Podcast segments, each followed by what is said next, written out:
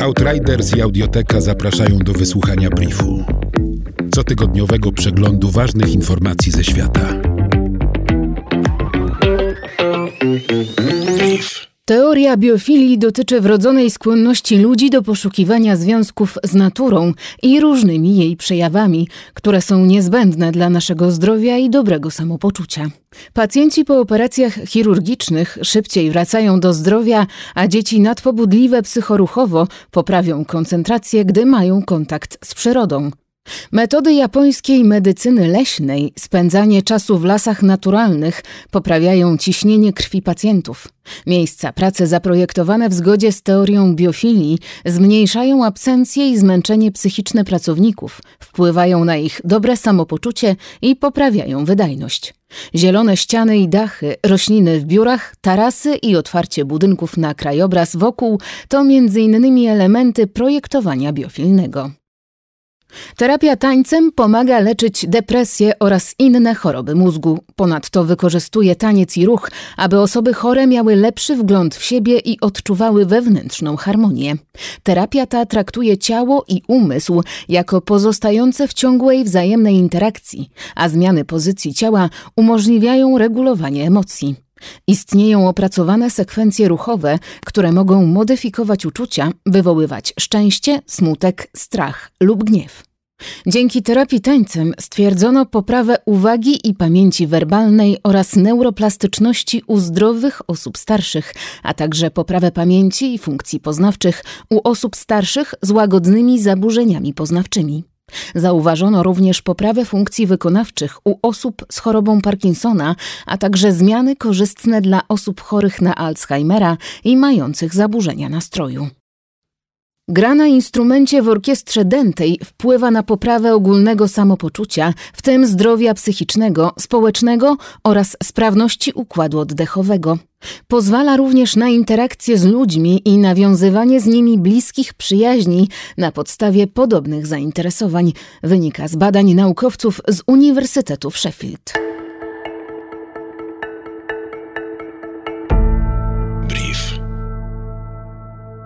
Zmiany klimatu i związane z nimi zmiany temperatur i opadów wpływają na jakość i zdolność plantatorów do uprawy drzewek choinkowych i odmian, których szukają klienci. Sadzonki są bardziej podatne na choroby i szkodniki. Ponadto kryzys ekonomiczny z 2008 roku spowodował, że plantatorzy sprzedawali ziemię i sadzili mniej drzew. Zarazem według danych National Christmas Tree Association w latach 2004-2017 liczba sprzedanych żywych choinek utrzymała się na tym samym poziomie. Dwukrotnie wzrosła natomiast liczba sprzedanych sztucznych drzewek. Organizacja Carbon Trust podkreśla, że żywe drzewko choinkowe o wysokości dwóch metrów, które nie ma korzeni i trafia na wysypisko śmieci, generuje ślad węglowy wynoszący około 16 kg dwutlenku węgla.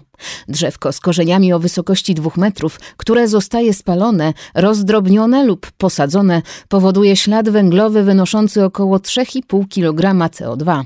Natomiast tej samej wysokości sztuczna choinka produkuje ślad węglowy o wartości około 40 kg CO2.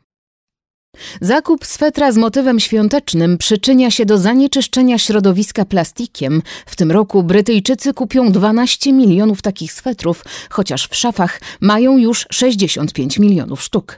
Analiza 108 modeli swetrów oferowanych przez 11 sieci handlowych wykazała, że 95% z nich zostało wykonanych w całości lub w części z tworzyw sztucznych. Włókna akrylowe znaleziono w 3 czwartych z testowanych swetrów, a 44% z nich wykonano w całości z akrylu, który jest odpowiedzialny za uwalnianie prawie 730 tysięcy mikrowłókien podczas jednego prania w pralce automatycznej, pięć razy więcej niż tkanina mieszana z poliestru i bawełny oraz prawie półtora raza więcej niż czysty poliester. Według badania Fundacji Habab 2 na 5 świątecznych swetrów ubiera się tylko raz w okresie świątecznym, a co trzecia osoba w wieku poniżej 35 lat kupuje taki nowy sweter każdego roku. Brief Outriders. Nowe wydanie co piątek do posłuchania na lekton.audio ukośnik brief. brief. Powtórki przez cały kolejny tydzień na Spotify i w Twojej aplikacji podcastowej.